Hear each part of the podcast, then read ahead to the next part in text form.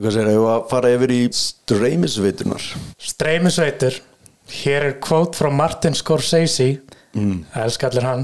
Já, Þegar tímariti Empire spurði hann út í ofuhetjumyndir árið 2019 I don't see them I tried you know But that's not cinema. Honestly the closest I can think of them As well made as they are With actors doing the best they can Under the circumstances is theme park Isn't cinema of humans being trying to convey emotional psychological experience to another human being.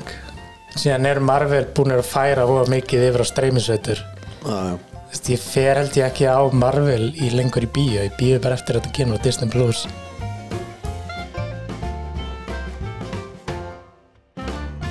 En ég fór aftur á móti á Northman í bíó eftir Robert Eggers.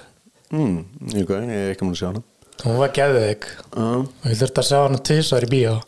nú, ok. Af því að hérna, ég lendi og hann sambjöðan mig Keflavík, það var hérna litli salurinn, það var einhver gósi að eitthvað í símónu sínum og skein svona framan í mig, ég satt beintir alltaf hann og talaði vinni sinna Já, já, og ég baði hann um að hætta og hann horfði einhvern veginn svona á mig eins og hann langaði að lemja mig og held af hann að tala og hugsaði með mér ok, ég hef enga stjórn að öðru fólki en ég get fært mig.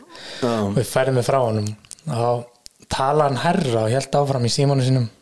Vá, síðan stóð upp og horfði hann á mig aftur eins og hann langaði að lemja mig. Og lappaði út. Jesus. Og fór í smárabí og valdi stóra salin og valdi sæti svona sérstaklega í miðjunni. Og voru engir í smárabí og nefnum bara þeir sem virkilega höfðu áhuga myndinni sem betur fyrr Já, og þá sá ég pikka ég meira og svona. Já. Þetta, þetta, lendur ekki í, í að horfa á þetta á Disney Plus. Nei, ég er Netflix.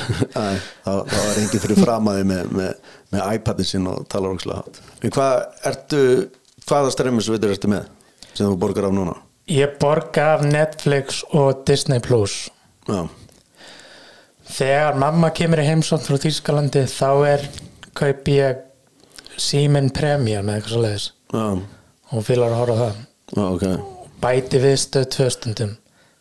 Já, þá horfa hann á það í stóra sjónum frammi. Þið finnst ég ekki þurfa að halda. Þið finnst ég fá allt úr Netflix og Disney Plus bara. Já og veist það eina sem ég svona myndi sko ég væri til í að, að hérna stöð 2 myndi búa til streymisveitur sem væri bara íslenskefni þeirra og þá myndi það kosta bara helmingi minna eða eitthvað, að ég nenni ekki að fara að borga 5.000 krónur bara til að horfa okkur að tvo íslenska þætti skilur við, Þú veist að því allt hittótið er hvort þið er á Netflix eða, eða Disney Plus. Þú veist, jú, jú, það er ykkur nokkru þættir annað frá HBO en, en þú veist, veist, ég er ekki að fara að borga 5.000 krónur á mánuði bara til að horfa á tvo íslenska þætti skilur við. Þetta er góða punktur. Það ætti að vera streymisefna bara hverju Íslands stefni Já, Við erum að sjá, það er Patrik og Jamie og þeir já, Það er mjög skemmtilegt, hef ég heyrt. Síðan er komið annar umveruleika þáttur með Sunnive Einars og Birgitu. Man ekki hvað það heitir, Alex eitthvað. Þetta er vingunuhópur sem Ellu ger- X eða eitthvað, Lux. Nei, þetta er ekki Lux. Þetta er ekki Lux? Nei, Já, ok.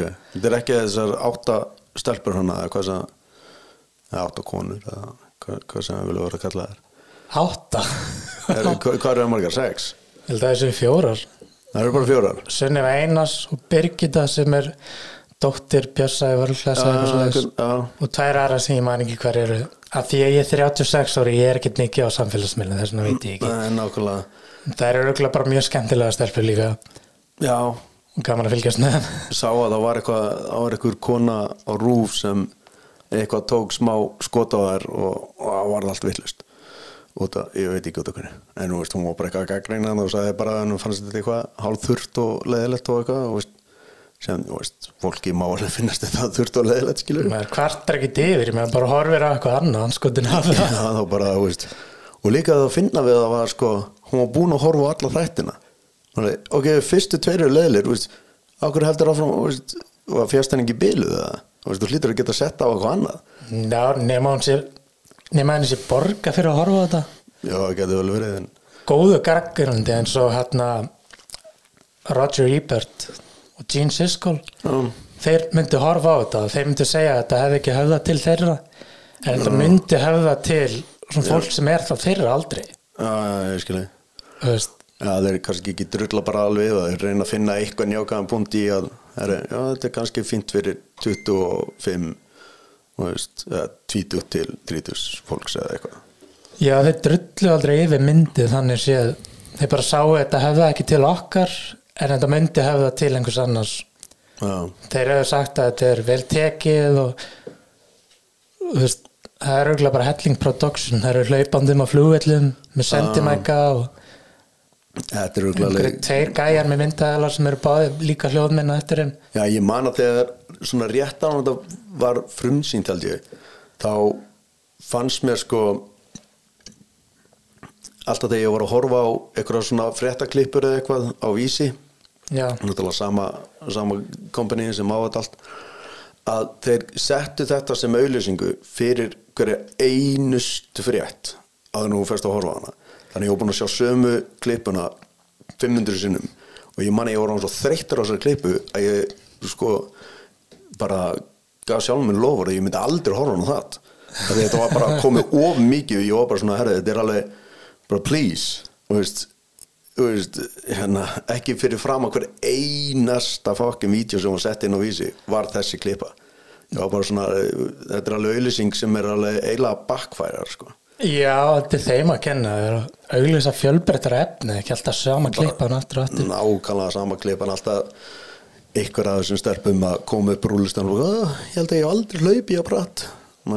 Fyrsta lagi þá varst að koma upp rúlustu og maður hleypur ekki upp hann að, jú, ég hérna á flugvellin já, já, frúlum og Miami flugvelli þau átt að fara til Los Angeles þá hérna er yfirleitt flugvelli nengst að maður þarf að laupa með flottöskuna svo einhver villisingur ég manni ég lendi ekkert í hann á Atlanta flugulli og byrjaði bara að labba og labbaði og labbaði og labbaði og ég skildi ekki hvar í fjandur og síðan var alltaf að heyra eitthvað fullt, fullt af fólk að klappa og eitthvað. Og ég var bara hvaðan kemur allt þetta klapp? Og síðan held ég áfram að labba og labba og labba og labba og labba og labba og labbaði með þar og síðan þegar ég alveg var að komin þar sem töskunar eru þá fattaði ég það að hinn með við veggin sem ég var að labba við var sem sagt lest. Þannig að þú áttir bara að fara inn í lest og fara með lest að þetta voru of langt til að labba. Já, en það labba ég hann örgulega í góða 40 mínútur. Og ég held að fólki sem var að klappa veri bara verið að klappa fyrir fólki sem hefur meikað alla leið sko. Því þá fatta ég það að ég held að Atlanta sé ykkur einn staðstu flugullunum bara í heiminum sko. Já, ah, og ég ætlaði bara að þetta allt bara frá, frá A til F eða hvað sem þetta var sko. Það er alltaf lestar flugvallar lestar já, það er Miami, já, New York. En þetta var bara eins og eitthvað svona Batcave þú bara sást ekki að það væri lestana nema þú bara vissir það sko. Ó, svona illa mertu flugvallir já, eða ég bara þú veist, vildi bara komast út og bara byrja að labba. Og ég held að þetta væri bara ég geti labba eitthvað, eitthvað smá. En þetta var bara miklu milla en Miami og New York, það nota ég lestina ég hleypi hana. Ég stendi alveg í hurðina og opnast að hleypi aftur búss, út úr henni það er já, líka New York, þú veist á JFK þá, þá, þá er það alveg mert allstaðar og meira þess að sko getur ekki eins og labbað á milli. Þú verður að taka þennan ringkana sem, sem þetta fer í sko. Já, þannig að veist, þarna gastu bara labbað frá einu terminal yfir í næsta og yfir í næsta og yfir í næsta sko. Í New York þá verður maður að taka lestina. Já, ég held að þú komist ekkert á milli terminal. Kemst á milli C og D eða eitthvað. Já, en annars verður að taka lestina sko. Já, já. En já, ég er sko, ég er með ég er með Disney Plus ég er með uh, hérna uh, ég er með Netflix. Ég var með Amazon Prime þegar tók það einn mánuð bara út af The Boys. Ok, uh, sem mér fannst mjög, mjög áhugaverð svona vingill á, á superheroes. Og og síðan er ég með Apple TV Plus já, sem ég hef einhvern veginn aldrei það er, veist, það er alveg fullt af svona, svona, svona góðu efni þar en bara, veist, það er rosalega illa auðlýst, þú veist ekkert um hvað myndirnar eru, samt er þetta allt með einhvern risastóru leikunum, en samt sér maður aldrei hennar trailer eða neitt fyrir þetta sem er alveg að sama og mér finnst núna, veist, ég, ég veit ekki eins og hvað myndi er í bíó nei. Þú veist, getur nefnt með tvær myndir sem er í bíó okkur núna? It Hatched ok, veist ekki eins og hún var til. Það er rillingsmynd sem Bjarni vinur okkar var að vinna í. Ah, ok, ok. Þannig að verið í production eða eitthvað held hann ekki verið drepin og fyndi nátt í þessu þetta Nú, skipti. ok. Ah, hann er ekki fengið sörfisk í auga eða eitthvað. Nei, það er ístun á hann sprungið. Ah, ok, ah, ok. Hvar, hvar var svo mynd búin til? þetta er eitthvað íslensk mynd eða? já, hún var eitthvað framleitt hérna á Íslandi ég var að skoða betur. Já, ok. Ég var að skoða hana betur hef ekki séð neitt trailer eða heyrst neitt um hana. Einunum mynd einanur Mér er ekki deg Nei, fyrir svona fimm árum og vissi ég nákvæmlega hvað alla myndir voru í bíói. Já, þá einhvern veginn bara, bara vissi að við getum fyrir á James Bond eða þessa, þessa, þessa skilur núna einhvern veginn eftir að streymisveiturinn byrju og þetta fer mikið á streymisveitur þá einhvern veginn bara hverfur þetta út af því að bíóhúsin og sena er ekkert að bomba þess út hvað er í bíóhútu að þetta bara virðist vera allt komið á streymisveitur það eru stundum Netflix myndir sem er síndar í Bíóparadís. Mér Já. geti séð þar Já, og líka maður svona spáir í veist, að þetta var alltaf hérna myndi voru oft uh, svona gerðar að, veist, kom alltaf út já, veist, fyrstu opnuna helginni græknum þetta og þetta mikið í bíó sko. maður er alveg hættur að heyra um það maður heyri það jú með Top Gun nýju en séðan mann ekki séðan er heila engin önnu mynd sem er, eitthvað, er að gera eitthvað að klikka það með þessu sko. Nei, herri, nú er að pros and cons það er vítjulegur bíóhús og streymisveitur. Vítjulegur pros and cons hjá þér. Mér fannst alveg gaman að fara á vídeolegu út af því að sko þegar allir fóru á vídeolegu þá gaf maður alltaf gæðin sem vann á vídeoleginu og er oft búin að sjá mjög mikið af myndum og maður einhvern veginn svona eitthvað mynd byrjaði, eitthvað low budget mynd komst oft, þú veist, varð alveg rosalega vinsæl og maður fréttaði það bara út af því að gæðin sem vann á vídeoleginu já þessi fer út bara hvernig einsta dag sko. þannig að maður vissi kannski ekkert hvað mynd þetta var en maður tók hana og, og, og manni fannst hún gæði skemmtileg skilur Það er er fyrir interneti þá var kallinn sem átti vítjulegina þegar konan, hún var svona mm. bíómynda gúrú bara. Já, akkurat. Vissi, vi- vissi allt um bíómyndir. Já, Ég datt til dæmis sem hefur séð mynd sem heitir Pest? Já, Já, ég vissi ekkert hvað það var og Gaurinn mældi með þessu fyrir mig að hann vissi að ég var oft, ofta að horfa okkar komedi dót sko. já. Og veist, bara einhver finnasta mynd sem ég sé sko. Ég er þetta ekki hann að gæja frá Mexiko hann prumpandi í sturt jú, jú, jú, syngjandi eða eitthvað svona? Alltaf í, einhvernum, í skrýnum búningum og alltaf breyta um rödd og eitthvað. Og, og minna voru þjóðverjar að sjálfsögðu sem voru síðan að færðana yfir okkur eigi og alltaf að, að hérna veiðan þetta er náttúrulega alveg snarreglu minn sko en ég held að hann var, já hann var frá Mexiko en, en alltaf þegar hann mætti vinnuna þá gerði hann sér guðlan í framann og vann sem kymverskur hérna uppvaskar eða eitthvað. Vá, þetta er svona ekta 90s demontur. Þetta var bara svona algjör steipa sko. Ég man eftir þessu mynd. Ég man eftir að það voru eitthvað eigi að veiðan eða eitthvað svolítið Sett eitthvað svona tatu og andlitið á honum eða eitthvað. Að láta hann lítið út eins og villimann eða eitthvað. Þetta var náttúrulega þetta hefði aldrei mátt vera gert í dag en Nei, En svona leiðilega við, við vítjuleginu var það að náttúrulega leiðilega var það veist, ef maður gleymd að skila ykkur þá fekk maður sagt. Og, og, og, og maður veist, þú gæst ekki bara drifið og maður þurfti alltaf að spóla þetta tilbaka allan þetta voru að vaffa sko. Já, og maður heldur ekki skila því óspóluð þá næstu þú komst og já, þú spólaði ekki tilbaka síðast þá komum við sagt. En það er náttúrulega bannaði með já. En DFT var síðan veist, ef myndin var einsás þá maður ekki, koma þurfti að byrja aftur ofta á myndinu að diskunum var bara allir á nónýttir sko. Já, það voru rispa og mikið. Já. Ég man eftir því. En það eru, þú veist, ég held að það sé ein vítjulega ennþá ég er ekki ekki Það getur passað, já. Myndum við sjá barónstíga eða eitthvað? Ég veit ekki hversu margir fara á eitthvað sko. Það var líka góða vítilegur að maður uppgötaði myndi með því að horfa á hulstrið Það var hulstrið sem auðlisti myndinar já, akkurat, já, já. Það var alltaf ógeðslega gaman maður leiði eina nýja og eina gamla Já. Nýja myndin var bara einhver Michael Bay einhver já. sem gamla og fóð maður í rillingsmyndarekkan og valdi myndina með einhverjum gæja með nagla í hausnum. Maður er bara wow. Fyrst að hann gerði þetta sjálfan, sjálfan sig og getur maður rétt ímynd sem hvað ætlar að gera mig. Nákvæmlega. Settum maður í að var þetta hellreisir svona bara geðveik mynd. Já, nákvæmlega. Og líka ég held að maður gaf miklu meira bíómyndum sjens heldur en í dag, veist, maður kveikir á ykkur og og eitthvað fuck it, og fyrir og, og að, nenni ekki að horfa þetta og fyrir síðan að horfa á eitthvað annað. Já, nema að þetta sé ykkur geggjumynd fara ykkur rosalega góða dóma þá skal ég setja þessi niður og horfa á hana að því myndir bara virðast ekki geta verið undir tveimu tímum í dag. Nei. Að ég er miklu, mér finnst miklu skemmtilega sko að horfa á þætti. Já, út af því að einhvern veginn þú, þú þarf ekki alveg, þetta þarf ekki að taka allt kvöldið eitt sko, tveir að hálfu klukkutími eða eitthvað, getur hort á. Og sko, og með þess að þættir sem eru klukkutímar, þeir þurfa að vera helviti góð sig en enn að horfa á sko. Maður er alveg komin bara með ég heyrði ykkur staðar að fólk sko nennir ekki eins og horfa á eins mín svona vídeo á, á netinu sko. Nei. Og veist, ef þetta er yfir 15 sekundur og bara eitthvað, "Ah, ég nenni ekki þessu.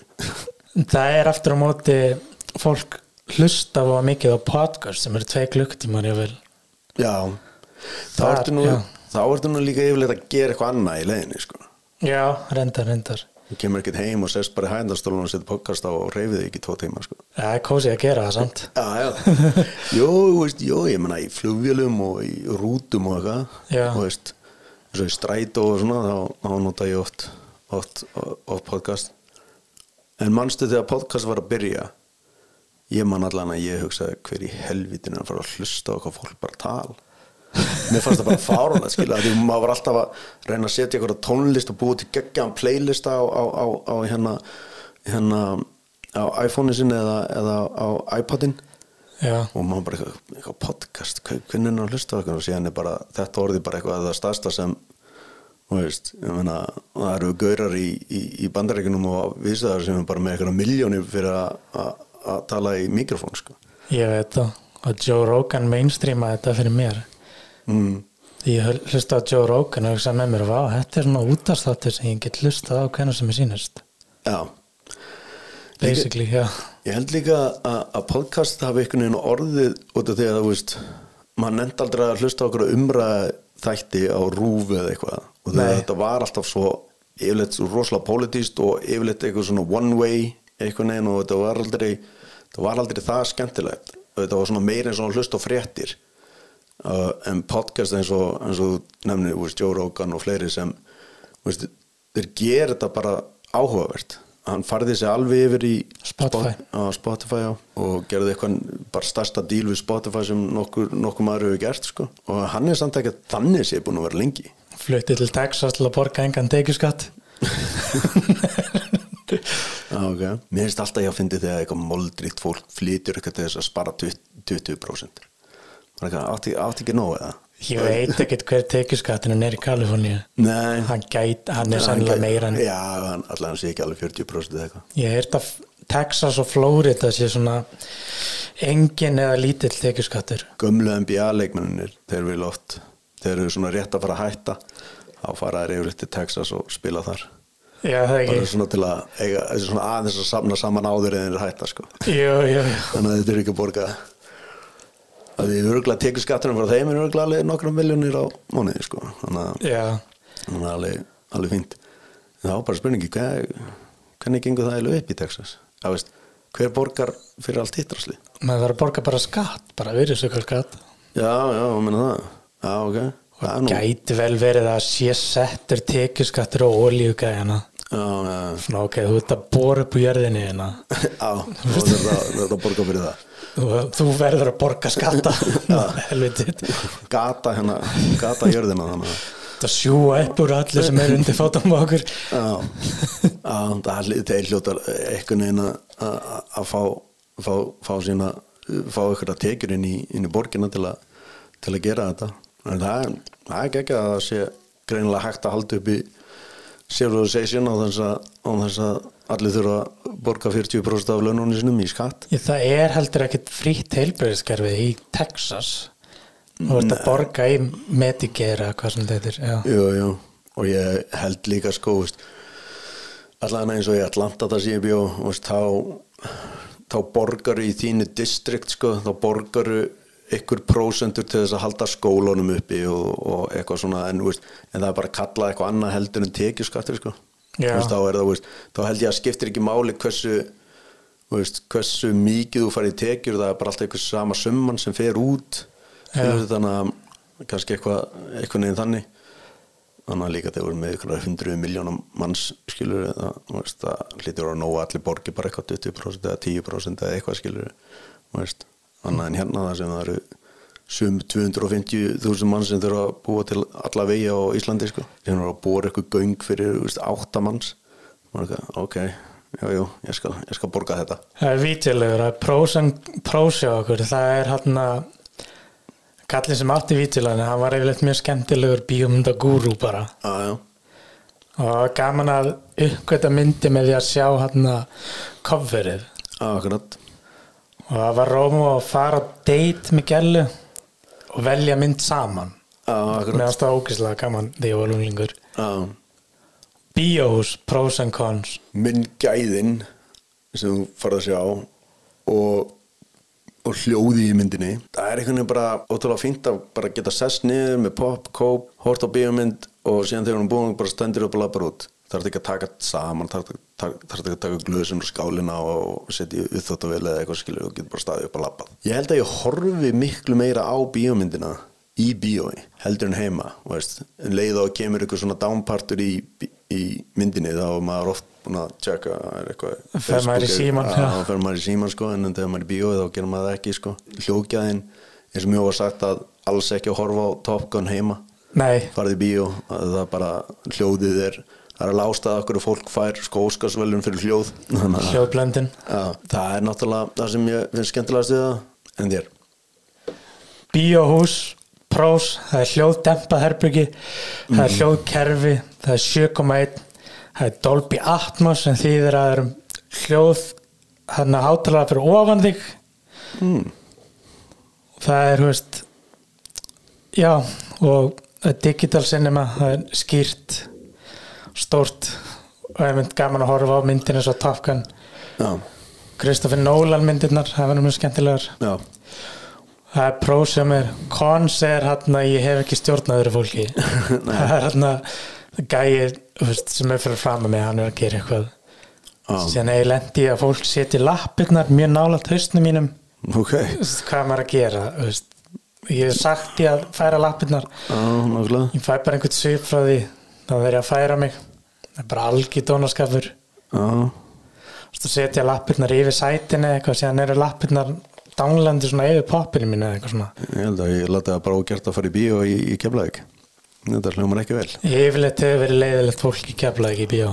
Ég líka sko, ég, ég er nú lítilendi jú, þessi þú veist, núna sæti, hún getur svona aðeins ítter og þá svona það er svona smá gormur í þeim, þau leggja staðis ég lendi í það að fólk er að styðja lappina við bakið sko, þannig að þá getur ekki ítt sætinu sko. Já, og aðalega á í Marvel myndum þá virðist ég alltaf lenda fyrir framan gæja sem veit allt um Marvel og er alltaf að benda á sko, já, sko reyndar var þessi gæji sem að maður, æ, þú veist, maður ekki bara horfa myndina?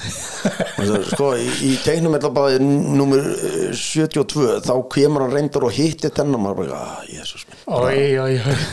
maður bara svona, já, já, ok. Já, en þeir vita allir að sko, þessi gæi er með eiginlega betri krafta heldur en þessi, ef þeir væru á annari plánutum, maður bara, wow, hvernig þú veist, Jesus að tala svona og þykjast vita og í, bara vita allt. Og alltaf þegar endatriði kom sko, og alltaf, veist alltaf einhver einn gæi sem skildi bóðskapið með því sko, og fór síðan að útskýra það fyrir öllum salnum.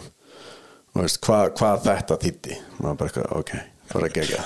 Getur ekki byðið eftir og komi, komist hindi inn og, og, og, og skrifa blogg um þetta.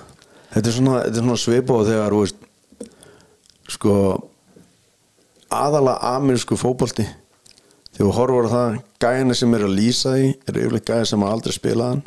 Já, og sko þeir eru alltaf bara veist, þeir overanalysa þetta svo rosalega.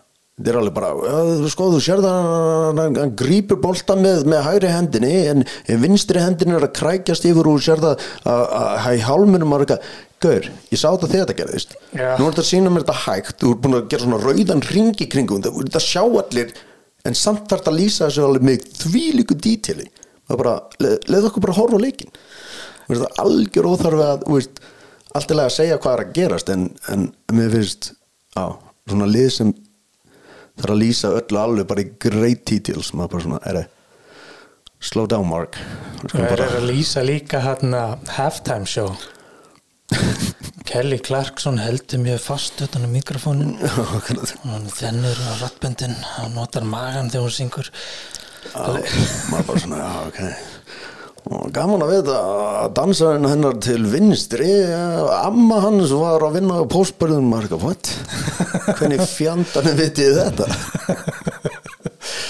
Það er alveg furðulegustu upplýsingar sem að fæst þetta bara þegar maður er að horfa á eitthvað íþróttu bara maður bara, ok geggjað, þetta virðist vera rosalega flókin íþrótt og mikið um að það vera að stoppa og allt þetta dótari sem allir er eitthvað, "Ó, þetta er ömulegt en ég held að þegar þú ef þú, þú skilur reglunar alveg þokkalega þá er þetta þetta er rosalega tekníks íþrótt og, og þetta er rosalegt hvað er á bak við það bara eitthvað eitt play er bara, sko, getur verið sett saman sko á átján mismunandi vegu sko.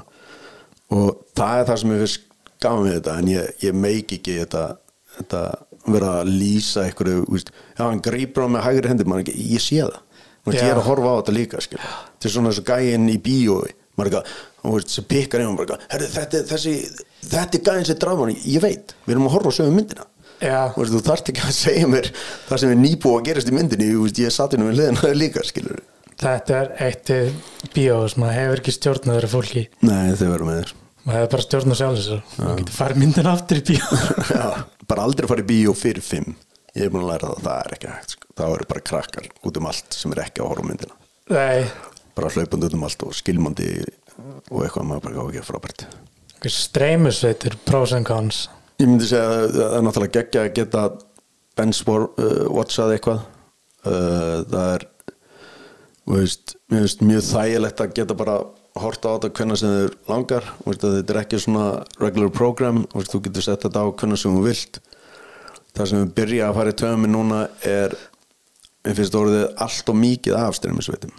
Já, það eru þú veist, uh, sko svona átta mjög stórar streymisvítur maður bara svona ok, og þetta var alltaf bara eitthvað þú veist, 7 dólarar nú er þetta komið upp í 12 já, heyrði það að Disney með þess að ætla að byrja að sko að þegar eitthvað stóra myndi kom út þá þarfðu samt að borga veist, eitthvað til að horfa á hana nema og býður í þrjá mánu og þá dettur hún inn í veist, restina sko. Já, já, já. en, en þú þarft að vera áskrandi og síðan ef þú ætlar að horfa á þessa ný, nýju mynd þá þarf að borga eitthvað á 6 dólar eða 7 dólar til að horfa á hana. Maður bara svona eh, þetta fyrir að íta svolítið aftur út í að, að fólk fari bara Pirate Bay Pirate Bay, já og, og, og ná í dóði Þetta mun lagast, þeir muni vera held ég þrýr stóri gæjar eftir og þeir muni taka allt saman. já, Það byrjar oft svona, þegar tölvuleikinni byrjaði inn í 80s, Mhm. þá voru hellingur og konsól og svona dæmi. já, Nú er bara Nintendo, Sega ekki lengur, Nei. það er Nintendo, Xbox og Playstation, bara þrýr gæjar. manni finnst einhvern veginn eins og, eins og Playstation sé einhvern veginn samt að vinna vinna þennan markað sko En á Íslandi, það er allir með Playstation. Ég er að segja það allan með á Íslandi, ég veit ekki hvernig það er annars staðar í heiminum en það er langt síðan ég sá að, að, að allar hérna Xbox stölunum voru uppseldar Nei, ég hef ekki séð það lengi, nei. Það er það sem ég segja, þetta var Commodore, þetta var Sega, Nintendo, það var ColecoVision, hellingur og konsól sem maður vissi ekki, þú veist, Nei, stóra bara of mikið að konsóls til að gera, síðan eru bara þrýr gæjar eftir núna. já, Sömu tölvuleiki virka fyrir alla tölvutnar og líka PC. já, akkurat. PC er í rauninni, já, segja að vera fjórir, það er Nintendo, Xbox, Playstation og PC og Xbox og PC er í rauninni sami dæmin, yfirleitt allir leiki sem virka í Xbox og getur spilað í PC að því er eigu á Windows. Já, akkurat. Það mun gerast fyrir streymsveitunar það verður sennilega Netflix Disney Plus og einhver einn annar. Hefur að segja þessi Amazon kannski. Já, sannilega já, og veist jú, að þú veist, nú, þú veist HBO er náttúrulega mjög stórt en, en uh, sko HBO sem Peacock sem er bara NBC já, um, og Paramount var en var ekki Disney að kaupa þá. Eiga þeir ekki núna Fox og Paramount held ég. Þeir eru allan að Disney er allan búin að kaupa alveg gríðalegt að efni. Já Disney kefti Fox, ég hef ekki hýrt að þeir eigi Paramount. Ok. Uh, Paramount er eða hvort að Paramount var að hvort að HBO var að kaupa Paramount þá var einhver að kaupa þá manni ég. Sé Paramount myndir á Netflix Ghostbusters. En náttúrulega Netflix á enda alveg rétt á að sína ykkur að þætti sem voru ekkert framleitir af þeim eða veist, þeir eru framleitir af öðrum. Já. þú keiftu bara réttin fyrir kannski fimm árum síðan og hann er kannski að renna út bara svona svipáður gerðu með Friends. Friends var þar, síðan datt það út. Uh, út af því að það færðist yfir á færðist yfir að held ég á, á Peacock. Já, og en þeir keiftu síðan keiftu síðan þá Sænfeld í staðinn já, sem er náttúrulega framleitur líka NBC já. Þannig að, þeir virðast vera með eitthvað en, en þeir, þeir eru samt alveg mér finnst þeir mjög djúlega við að framlega efni sko, annað en hérna Apple TV Plus dótið Já, ég hef ekki séð neitt frá Apple TV og ég heyrði um eitt mjög böggandi með Apple TV Mhm. Það er að hver einasti góði gæi hver einasta efni sem framleiðir hann notar stöf frá Macintosh. Eða frá Apple, hann er með Macintosh stölu, Ah. hann er með iPhone hann gerir ekki Facebook Messenger, hann er bara á, á Instagram eða? Nei, ekki Instagram, hann notar þjónustundar sem Apple eru með. Held að það heiti FaceTime eða eitthvað svo leiðis já, já, FaceTime og, og iMessage nei, hérna Já, iMessage og, og þetta dótari og er það vondikallin alltaf bara í Windowsi? Nei, tölvurnar hans er ekki hann það er non-branded bara. Já, ok, já. Hann er að nota Linux eða eitthvað alltaf að blóta Ubuntu. Bara helviti strasl Þeir eru búin að vera þess lengi að vondikallin má ekki nota Macintosh tölur það var alltaf í James Bond myndunum. Þá var alltaf veist, fjóri sponsorar eða eitthvað sem bara borguðu myndina bara það þurfti ekki eins og sína þegar komin í plus sko. Veist, það var bara nóg að sást hvaða úr hann var að nota og hvaða síma hann notaði og hvaða bíl hann gerði Bíl hann Það var bara- gerði, já. það var bara búið og það var komið sko. úr sími bíl já, eins og hérna fræði símin úr, úr Matrix. Já, flip-flom þetta var bara held ég næst sölu hæsti sími Nokia ever. Já, það ekki. Já, Já, kekja sem er alveg magna bara út af því að og ég las eitthvað starf að þeir þeir gerði ekkert eitthvað samning við þá sko. Nei, þeim fannst þetta bara töff hvernig hann opnaðist og þeir bara, já, notið þetta. Svona, hvað kallast þetta? Project in placement eða eitthvað. Hann að product replacement. Michael Bay er hann rosalega mikið í þessu. Sérstaklega í Transformers. Mm, það er svo mikið product replacement að Oreo sjálfsali breyttist í Oreo vélmenni og Oreo vélmenni var með Oreo kökur og hnjaskiljónum held ég. Þeir, þeir hafa borgað eitthvað fyrir það maður. Eitthvað vélmenni var hendi Bud Light bíl eða trukka eitthvað. Já. og fór inni og kom Bud Light sem rulluði niður göttirnar mm, og Light merki bara fyllti út skjáin síðan kom Vol Mark Wahlberg og bara slást eitthvað hóa mikið. Uh, tók Bud Light og opnaði hann og drakk síðan held síðan áfram að berjast. Svo Já. maður að gera þetta sko. En maður tekur að uh, eins og úst, það er ör sjaldansand sem þú sérði eins og úst, í amerísku bíómyndum það er úst, nánast í annar hverju mynd er eitthvað að borða pítsu. En það er aldrei neitt svona name brand. Þú sérði þeir aldrei Dominos eða neitt í bíómyndum. Það er alltaf bara einhver pizzakassi sem er ekki með neinu logo á og, mjög oft og, og ef það er sagt hvaðan það er þá er þetta alltaf einhver logo pizzeria eitthvað staðar sem er síðan ekki eins og til Moms sko. and Pops eitthvað. Ég fíla product replacement sem leikar leikstjórin velu sjálfur. Já, svo Quentin Tarantino hann ætlaði að hafa Pulp Fiction byrjunatriða sem hjónin ræna. Já, hann vildi hafa á Dennis eða eitthvað svo leiðis hann fekk Já, það ekki í veist, Já, auðvitað átti Dennis að honum að taka upp á staðnum. Hann, vill, þú veist. Það er sjálfsögðu það er alveg bara veist, líka bara allir túristar sem kom til bandaríkina myndi að fara á Denny's. Já, bara til að sjá, veist, sjá hvað veist, að, að er frægur frægt dæmi. Já, ræna Dennis nei, já, ræna Denny's. Ræ... passa, passa það bara að- Samuel Jackson sé ekki sé ekki að borða þær nei. Ég, þú heldur að það verður bara þrýr það verður örgulega þannig. Ég meina, þetta hefur alltaf þú veist það var eins og það var Blu-ray á móti hvað ég hitt? DFD HD já, já, já, Blu-ray vann þá. Já, akkurat. Að því að það eru voru ódýrari og, mm. og klámiðnaðurum fór í Blu-ray held ég. Já, það var þetta bara skákamót já, það er engin sem framlega mikið efni og klámiðina er maður. Já, gerist sama við Vaff og S þegar ég var að keppa við Beta. Já, þá var Vaff og S sett allt hann að klámiðnaðurinn sett allt á Vaff og S. Og unni Vaff og S. Að því að það eru ódýrari spólur en Beta Max eru hérna herri gæði. Já, ok. Og lengi áður en sjónvastöðar fóru digital þá var þetta allt Betamax efni sem spiluði til að fá gæðin alveg já, ok. Og hugsaðu þetta vel um já. Og sína þetta sjálfni að ég man að sko ég man að mikið af vinnmennum áttu bæði. Þetta voru með tvö tæki heimi á sér. Veist, eitt, eitt beta og eitt VFS að því oft þegar maður fór út á vídeolögu þá var eitthvað, já bara í beta maður eitthvað, á, ok. Og þá gæti maður bara ekki að tórta hana. Annað format er hann að Laserdisc það var ekki digital, það var analog diskur sem var spila með laser. Wow, og risa stórt eins og DVT diskur. Ok. Með þess að plata bara.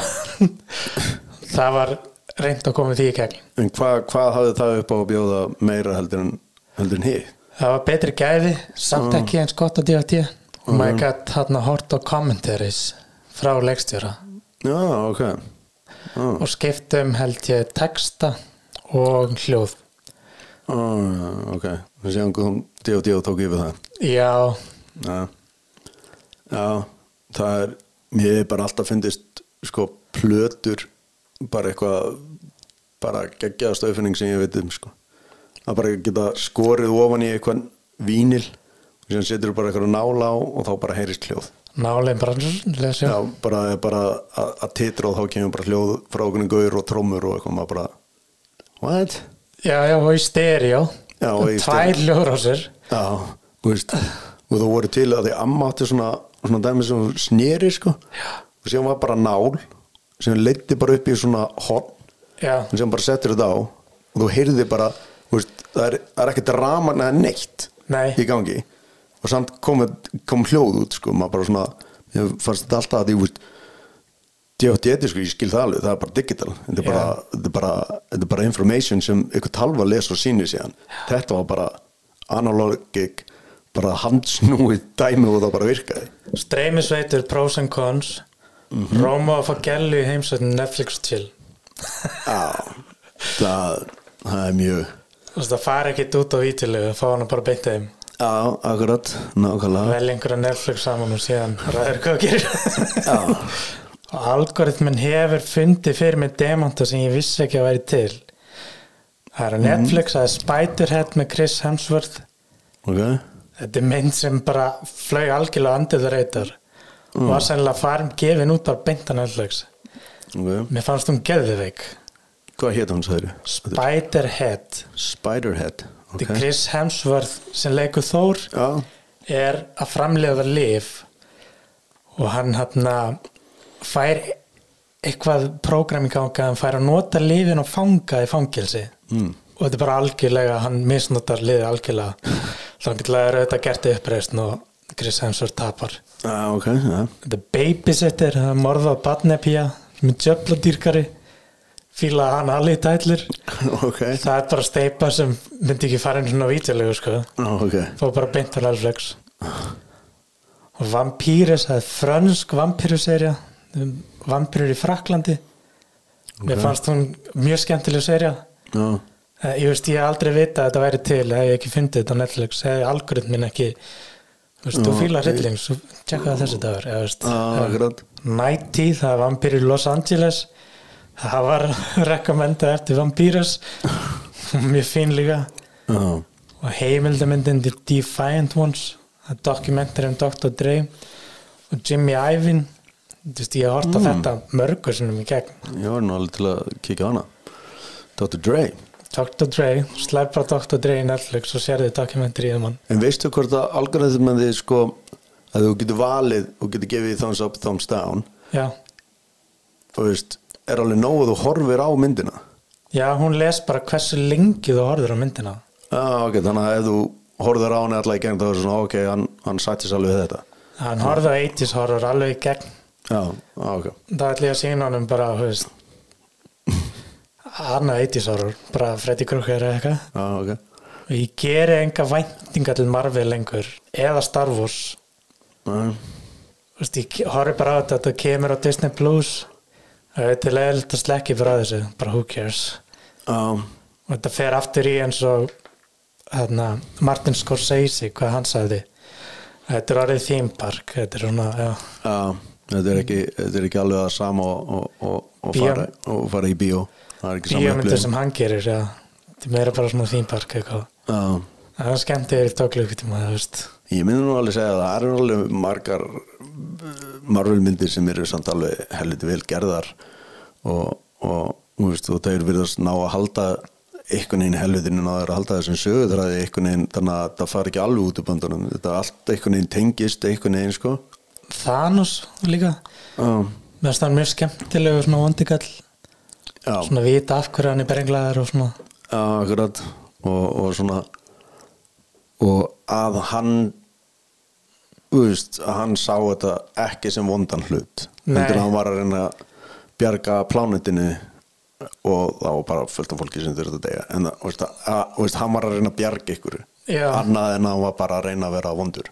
Það var skemmtileg serja frá Marvel sem ég horfði á og það er um galdranortina já, hann að WandaVision. Já, vendavissin, já, já. meðast hún ógeðslega skemmtileg serja hún líka svolítið spilar inn á ef maður er mikill svona þáttabíógúrú það var alveg, það var alltaf mjög mikið verið að vitna í svona klassika sjónastætti og annað sko, sem mér fannst alveg mjög skemmtilegt af sko. mjög mikið, Lucy Liu Mhm. Malcolm in the Middle, þetta var allt mjög þetta var ógeðslega skemmtilegt. Já, WandaVision, ég hef ekki hort á Loka eða Falcon Winter Soldier eða eitthvað, ég bara nenni ekki að horfa það. Nei, ég, ég byrjaði að horfa á, á loka og, og eftir svona tvo, tvo þætti þá fór þetta svona að fara að verða uh, nokkuð skemmtilegt og séðan bara er ég eiginlega bara að býða eftir næstu séri en ég byrjaði líka á uh, Falcon and the Winter Soldier og ég horfði á þrjá þætti og ég bara, æ, ok, þetta, það var ómikið Já, það, það var bara bara þetta eru tveir side karakterar sem bara ná að geta halda uppi þeir eru ekki það stóri að þeir ná að halda uppi alveg heilum tætti fyrir sjálf sig sko. nei allt frá Star Wars hefur verið skemmtilegt. Já, mér, eh, veist það er ekkert eins veist, það verður ekkert neitt klassist eins og myndin frá 1977 nei, en mér er aldrei leiðist að horfa Star Wars. Nei, segja prequel eða sequel eða, veist. nei og líka bara þú veist Obi-Wan Kenobi er að koma ykkur tíma núna? Það er búið að koma út serja er, er hún komin út? já, ég er búin að Já. klára hana. Oh, ok, dammit, ok. Mér finnst það bara mjög fín. Já. Uh, og hver, hvað sér að vartur á undan því? það var Boba Fett um hann að Hunter með hjálm. Já, já, já. Mér finnst hún mjög skemmtileg. Já, hún var aldrei svona dragging á tímabilum. Já, en náttúrulega loka atriðið samt bara það var mjög sko. skemmtilegt, já. Og maður fekk alveg gæsa þú bara að sjá, sjá það sko. Síðan undan því var hann að Mandalorian. Já, svona kall eins og Boba Fett nema var ekki Boba Fett. Nei. Já, hún var líka hún kom stundum það sem þurfti að útskýra rosalega mikið. Þá svona var þetta svolítið langdreið einhvern veginn en síðan fannst mér alltaf ná samt að mér varst það líka mjög, mjög fín að þetta átti ekki að koma önnur sér á því eða? Mandalorian serið 3 það eru búin að gera teaser fyrir það hún kemur á næsta ári. Já, ok. Síðan er í pipeline hjá þeim Andor. Það er serið það á að gerast á undan þannig að fyrstu myndinu frá 1977 ah, Ok, The gæi sem fær leið á Empire og fer í Rebels. Ah, ok maður var að fylgjast með því hvernig, hvernig hann skiptir yfir. Og hann vinnur, fær einhverja með sér úr keisaraveldinni eða Empire til að vera Rebel eins og hann. Ah, ok. Já, Þetta er tengt við myndina hann uh, Rogue One. Já, ok. Þetta er á Rogue One. Þetta er karakter í Rogue One. Mm. Þetta er hvernig hann fer upp og svona. Ah, Ok, hvað motivitar hann til að stela plönin til að sprengja upp þessar og eitthvað svona ah, ok. Mér veist, uh, það voru margir sem vildu meina það að, að Disney hefði eðilagt Star Wars. Að þetta væri orðið of mikið þetta væri verið að vera að reyna að höfðu of mikið til barna og eitthvað, þetta væri orðið svolítið Disney-legt eitthvað neginn sko. Æ, Nei, Jar Jar Binks var til að vera Disney Já. Nokkra stjórn á þessu. Já, nákvæmlega. Og ég meina svo voru bánsar í the Jedi og bánsa plániti Ewoks. Já, akkurat. Þannig að en ég held að þið voru kannski meira þú veist þetta var ekki alveg að gróft eða eitthvað, eða eitthvað og það var alltaf eitthvað svona bóðskapur eitthvað Disney bóðskapur baku það en, en ég meina það er bara, það bara ein, einleið til að segja, segja söguna sko. Finnst, finnst mér sko. Mandalorian er ekkert enga veginn sko.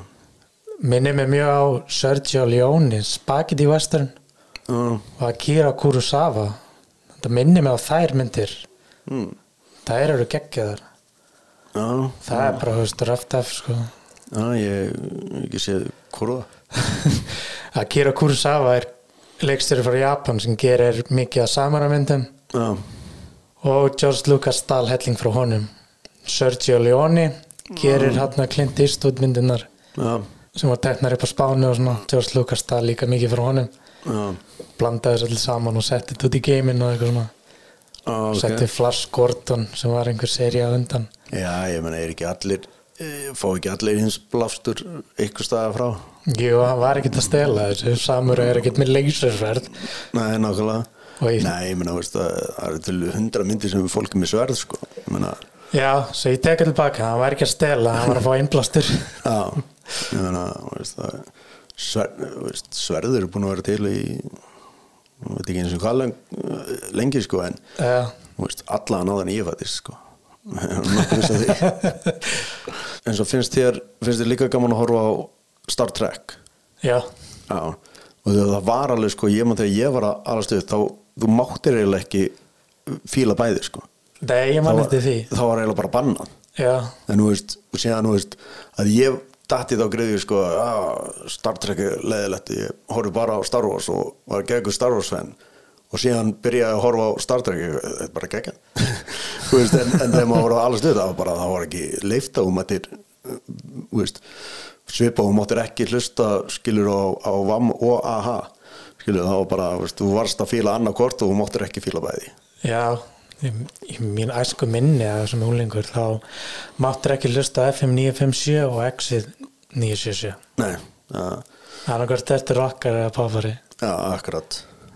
Og það var bara, þú máttir ekki akkurat, þú máttir ekki fíla bæði sko. Bara, en veist, þetta er líka svona veist, eins og svona hardcore uh, Apple fans Já. veist alveg dörla yfir allt sem Macintosh gerir, nei sem Windows gerir sko og ef það væri ekki fyrir Windows þá væri svona ekki til Macintosh sko Þú veist, Windows bjóð til fyrstu forritin fyrir, fyrir Apple að þeir gátt ekki búið það til þannig að hvað það? uh, sko Pages Excel, uh, veist, Word Excel og, og PowerPoint Já. runnaði bara á Apple fyrst Jaha, Já. Ok. Þannig að þeir eins og til dæmis þegar Steve Jobs kom aftur á, á kynningunni þá er hann með hérna, Bill Gates á, í videochati fyrir aftan sér svona rísa stóran nefnt Já, og, og tekur vitunum út af því að þeir hefðu sko þeir hefðu sennilega ekkert orðið svona stórir nema, nema þeir eru unni saman skilur þú veist Apple fyrir ekki á flug fyrir en þeir byrja að vinna saman sko. Já, en þú veist, síðan er enda fólk í dag sem er alveg bara bara, það, bara má ekki minnast á PC við hlena þeim að þegar þeir eru með iPhone sko. Þetta ég er ég, ég fíla betur makka uh, vann lengi á, á uh, hana með PC fyrir vinnu og fullt af hluti sem þú getur gert á PC sem þú getur ekki gert á makka og síðan er akkurat auðvitað en um, mér finnst bara makkin einhvern veginn, þetta er einhvern veginn stílhreinsari er bara lúkra hans betur og, og þetta er aðeins er aðeins einhvern veginn þú veist, þú getur rétt veist, þú getur rétt fimmar og krakka iPhone og hann er búinn að finna það sem hann þarf að finna. Bara, þetta er eitthvað svo idiot proof einhvern veginn veist, og meðan kannski P- PC-in er svona aðeins þú hefur meiri möguleika að gera uh, svona þú getur getur gert miklu fleiri hluti þar sem væri, sem, sem væri sannlega að loka fyrir í, í Apple sko ef maður kann á Macintosh þá Já. getur maður gert allt saman Já, ég er að segja það, veist, það er svona en samt iOS er uh, það er aðeins lokaðara heldur en PC lokaðra, sko. já. Þú þú, PC þú getur basically eiginlega smíða þín einn tölvu meðan með makkan þá er það erfitt nema þú sért alveg þvílíkur gúrú sko það er hægt Já, að gera Hackintosh og það eru tölvubúið sem bjóð upp að ok, ef þú kaupir þetta móðuborð með þessum örgjara þá getur þú smíðað utanum Hackintosh og sett Macintosh veist. já, þá getur þú gert það en, en, en að smíða góða PC leikatölvu þú getur alveg bara nánast veist, þetta móðuborð er 90% comparable nánast við öll hljóðkort Já. eða öll, öll, öll hérna skjákort skilur og meðan í, makkanum þá er það bara á, kannski tvö. Ég veit að ég, Macintosh eru products Windows eru rig. Og mikið þannig. Já. Og líka það bara fyndið þegar fólk var sérstaklega fyrir svona fimm árum síðan og fólk eitthvað þú veist, með síma sín og eitthvað, já sko, síðan minni betri þinn út af því að þetta, þetta og þetta og þetta. Og maður bara svona, þú veist, ekki svona nota, þú veist veist, 4% af því sem símiðin geti gert sko. Kannt sennilega ekki einu sinni alla fítusur á símaninum Nei. en samt skilur er þetta rífast yfir hvort, að- að símiðin sé betri eða ekki skilur já, já, þú veist, þegar 90% af fólki notar hann til að skoða netið og, og ringja honum. Búið já aftur að streymisveitum. Það er allt með pros and cons og að þróast í held ég að basically að, að vera bara nokkrir með streymisveitur. Netflix og einhver svona þrýr ég myndi giska þrýr mm, bíó verður ennþá, fólk vill fara á myndir sem það er spennt fyrir í bíó. Já. Bíóhúsin er ekki að fara neitt sko. En þá er spurning bara það eina sem maður er svona smöggu við er að að þau hætti bara að framlega þetta fyrir bíóin. Að þú veist eins og það er eitthvað mynd núna nýjasta Marvel myndin uh, sem á að fjalla um, um Fury og, og hérna hvað heitir hún? Invasion, Secret Invasion eða eitthvað. Já, kemur út á næsta ári eða eitthvað. Hún kemur beint á hún fyrir ekki bíó sko. Nei. Og veist og, en þannig ertu samt alveg með bara hauga í ykkur stórleikunum sko. Þannig að það eina sem maður er svolítið hrættu við ef þetta hættar að fara í bíó að verði verði bara alltaf harra og harra sko. Á streymisveiturum Já.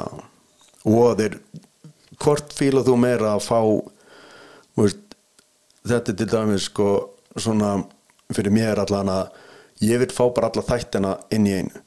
Já, og, veist, og þá þú veist, nenni ekki að býða eins og með Stranger Things.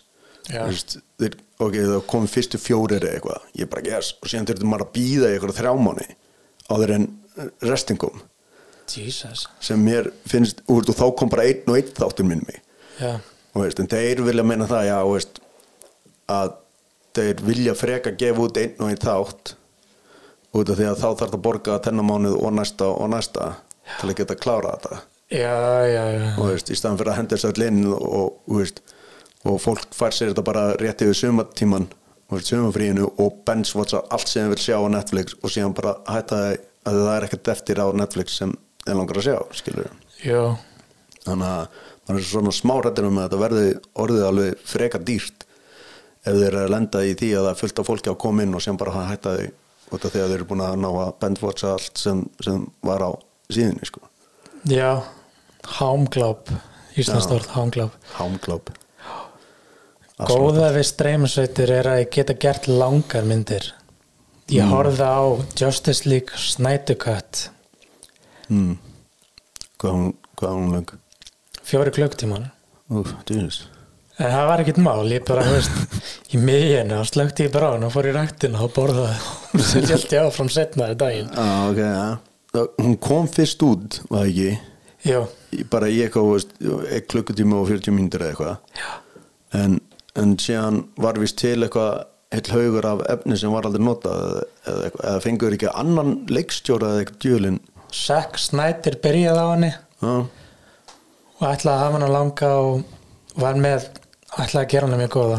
mm, Og kom upp einhver vandamölu Zack Snyder, eitthvað heimilistæmi, já, einhver veiktist í fjölskyldun hans og Joss Whedon tók við. Já, og hann gerði ekki það sem Zack Snyder ætlaði að gera. Hann gerði myndina meira fyndnar eða eitthvað svolítið sem passaði ekki til þeman eða, þú veist, já, og myndin passaði ekki saman. Ég hef ekki séð Joss Whedon útgáfuna. Nei, ok. Síðan kom Jack, hana, Zack Snyder tók allt sem hann tók upp Mm. originally og gerði Zack Snyder Cut eða bara Snyder Cut. Já, er að kalla, ég veit ekki hvað þetta heitir í álunni Mm. hún var mjög fín já, ok. Bara mjög fín. Já, þetta er á HBO Max. Ok. Að ég sá hérna hana steytrúkuðan og, og mér fannst akkurat, mér fannst það ekki komið sko. Nei, ég hef heyrt að hún sé ekki Já. Þannig að kannski, kannski kíkjum, kíkjum maður á hérna hit, hitkvættið Já, næst, næst þegar það er að fljúa til bandaríkina og þá hef ég ekkert annað að gera heldur en að sitja í fjóru, og halvan tíma eða fimm tíma. Þannig að það er fínt og góða við streymisveitur ef maður finnur ekki einhverja mynd neinstæðar að neinum veitum sem maður veitir í mm -hmm. þá getur maður alltaf notað eitthvað sem heitir hérna, Virtual Private Network eða VPN og Já. sagt við töluna að maður sé stattur í Ástralíu eða Kanada eða maður Já. Ameríku og ef það klikkar þá er síðasta úrræðið Pirate Bay Já sem, er kannski ekki allir streymisveita en, en, en já. en já, það er ég komst að akkur þegar ég held að sko, ég er með tvo rátara heima og annar er bara alltaf settur á bandarækin og þar fara Apple TV-ið mitt inn á Hmm. og síðan ef, ef það er eitthvað sem uh, lokast fyrir það eins og Eurovision og eitthvað svoleiðis stóttari já, þá bara ekkert mála þá fer ég bara inn í network og hendur hann yfir á íslenska ráturinn og þá og það er líka alveg það er líka alveg fullt að dóta á Netflix sem er bara á, á íslenska dótinu sem þú getur ekki hort á veist, í bandrækjunum meira örgla Já, ég- mér finnst samt vera meira af efni á bandarísku en, en svona þættir og eitthvað sem ég held að þú veist, eins og Office er Já. ekki á bandaríska. Þú veist, ef ég vil á Office þá þarf ég að færa mig yfir íslensk allir, þeir eiga sannlega ekki réttin á að sína það í bandaríkjunum en þeir eiga réttin á að sína það í Evrópu eða eitthvað svoleiðis. Já, eitthvað svo leiðis en já, mér finnst akkurat líka að þetta dót hana það sem varst að tala um uh, recommended for you. Já, veist, ég hef alveg dott inn á hluti sem ég hefði sennilega aldrei hort á skilu annarkort hvort að bara pósteri sé bara unappealing eða eitthvað veist, og maður bara skróla frá því en síðan þegar þetta er komið þangað maður eitthvað, ah, ok, prófa að sjá að horfa það. Þá er þetta bara alveg fínasta mynd eða fínasta þætti sko. já. En ég sé ekki segja þetta komið gott? Ég held fyrsta að- þáttinn? Já, yes að- sir. En bara takk hérlega fyrir uh, mig og þetta lofar, lofar góðu held ég. Takk fyrir að mæta. Takk. Takk takk